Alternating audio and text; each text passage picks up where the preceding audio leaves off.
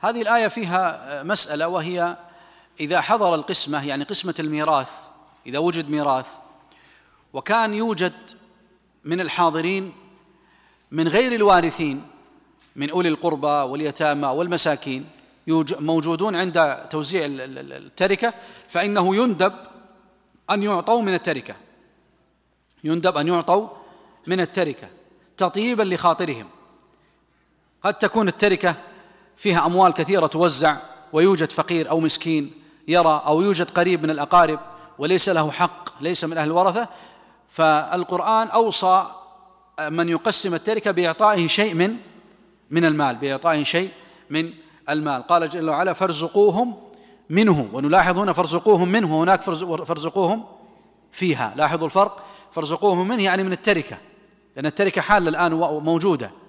أما هناك فلتنمية المال. وقولوا لهم قولا معروفا يعني طيبوا خاطرهم بإعطائهم شيء من المال والكلام الحسن. طيب هل يجوز إعطاء من يوجد من أولي القربى إذا كان وارثا؟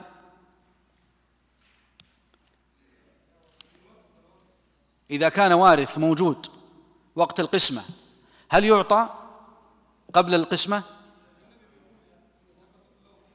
لا يعطى. إذن تأويل قوله تعالى أولو القربى يعني غير غير الوارثين غير الوارثين. وإذا حضر القسمة أولو القربى يعني من غير الوارثين واليتامى والمساكين فارزقوهم منه. وإذا قيل أن المقصود أولي القربى حتى الوارثين فالآية تكون منسوخة لأنه لا يعطى الوارث شيء لا يعطى الوارث شيئا ولكن الآية محكمة وباقية في غير في غير الوارثين. نعم. الآية التي بعدها نشرحها قبل يعني بدون قراءة لأنها طويلة.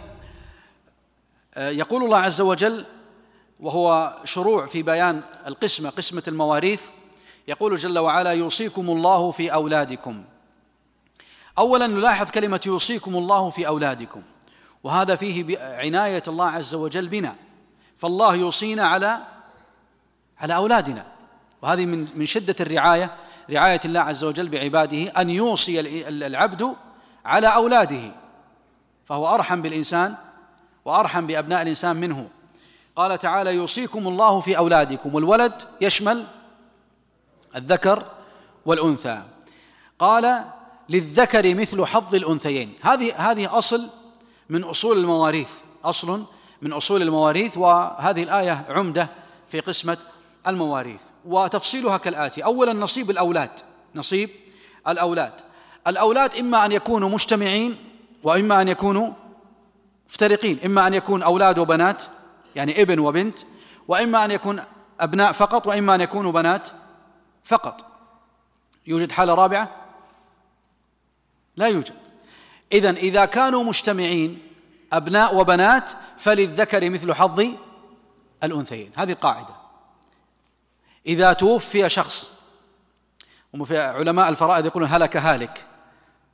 قال بعضهم هذا ما يجوز الهالك لا يهلك هذا دور.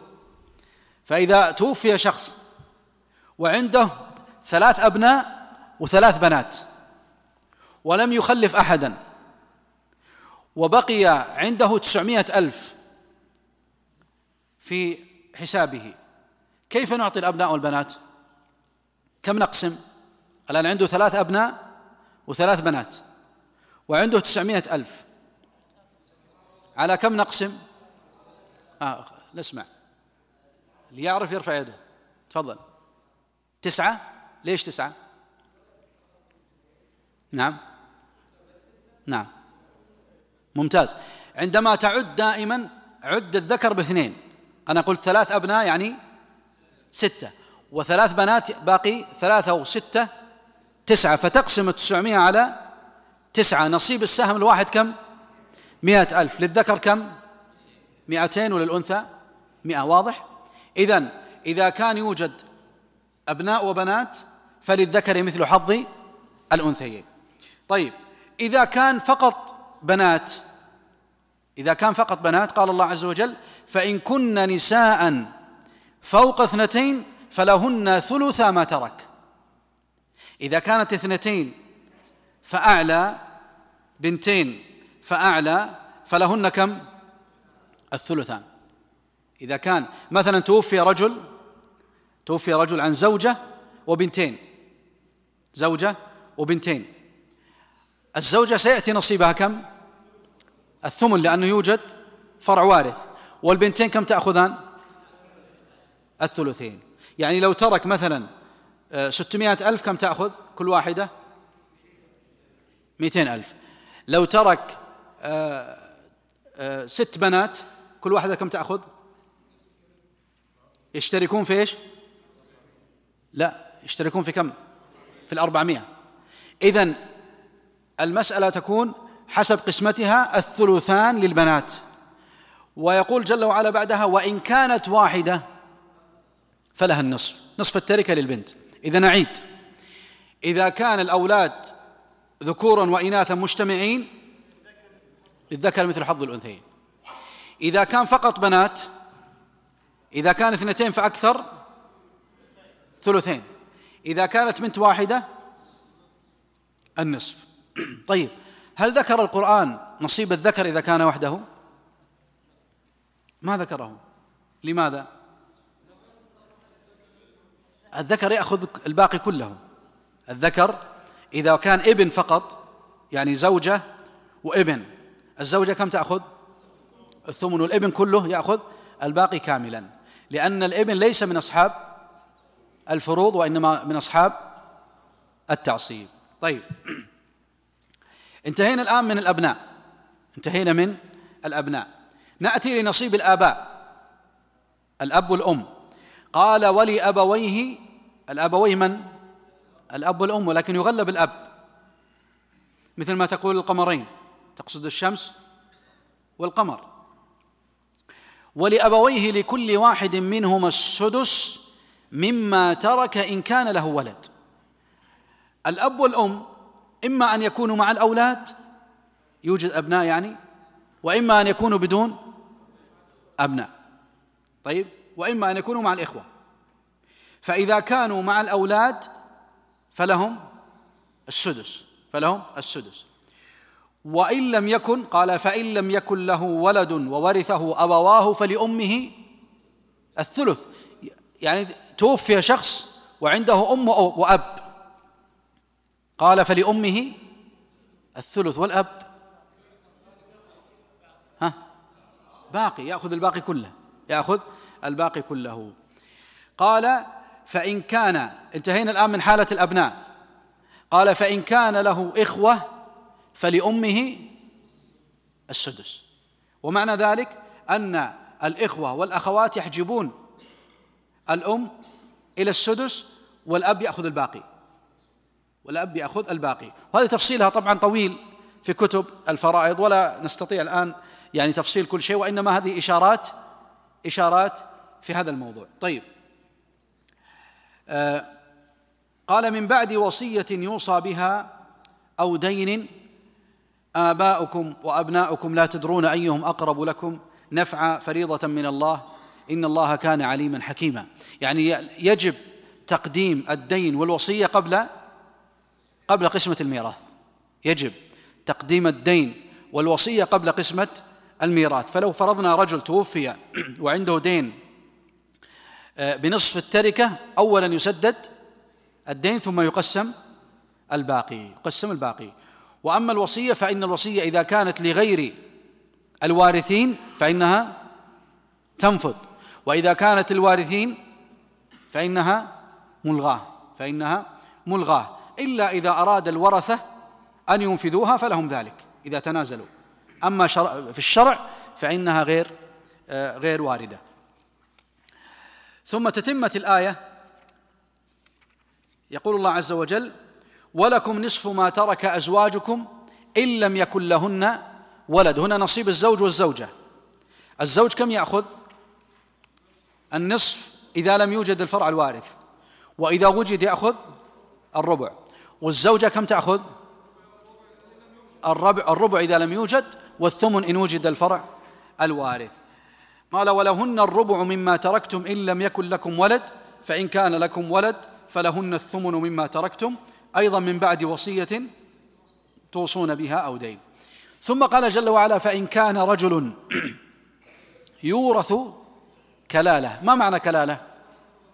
ليس له ولد ولا والد. فإن كان رجل يورث كلالة يعني ليس له ولد ولا وارث ولا والد وورثه وإن كان رجل يورث كلالة أو امرأة الآية وله أخ أو أخت فلكل واحد منهما السدس. المقصود بالأخوات هنا من؟ الإخوة لأم. الإخوة لأم. لأن قلنا الأخ والأخت لأم لهم هم من أصحاب الفروض. وأما الإخوة الأشقاء أو لأب ينتقلون إلى أصحاب تعصيب. فإذا وجد الأخ أو الأخت لأم فإن لكل واحد منهما السدس يعني للأب و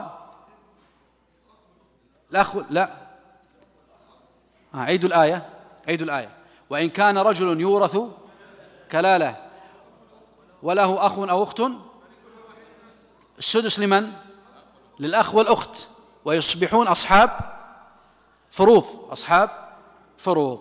طيب هنا وقعت آه، قضية مهمة في عهد عمر بن الخطاب رضي الله عنه أنه توفي رجل آه، توفيت امرأة عفوا عن زوج وأم وإخوة لأم وإخوة أشقاء.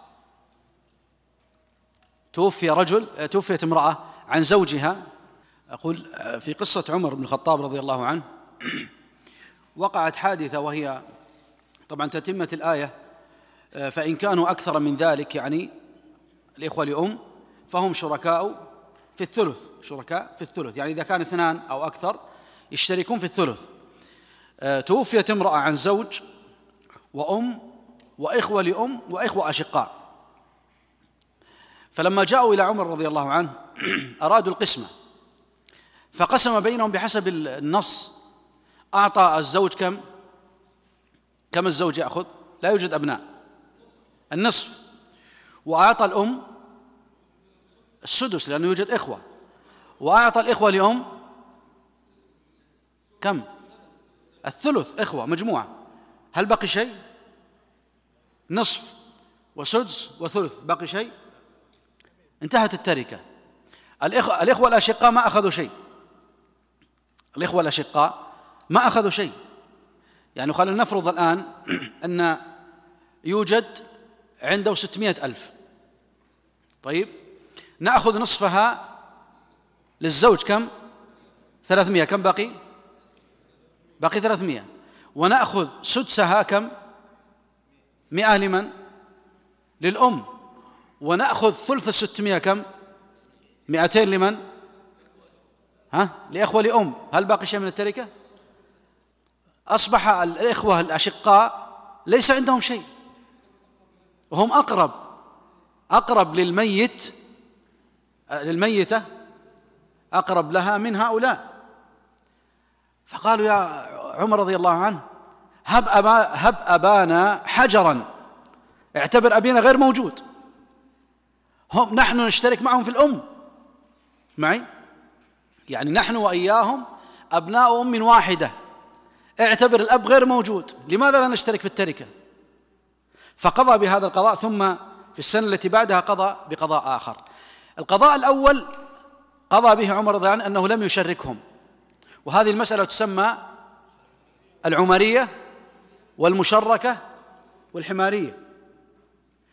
ولذلك يقول صاحب الرحبية يقول وإن تجد زوجا وأما ورثا وإخوة للأم حازوا الثلث وإخوة أيضا لأم وأبي واستغرقوا المال بفرض النصب فاجعلهم كلهم لأمي واجعل أباهم حجرا في اليم. يعتبر أبوهم غير موجود. واقسم على الإخوة ثلث التركة فهذه المسألة المشركة. إذا الحكم في هذه المسألة أنه يعتبر هؤلاء الإخوة الأشقاء كأنهم إخوة لأم ويشتركون معهم في إيش؟ في القسمة. فالمئتين الباقيتين يقتسم عليها جميع الإخوة سواء كانوا إخوة لأم أو إخوة أشقاء أو لا.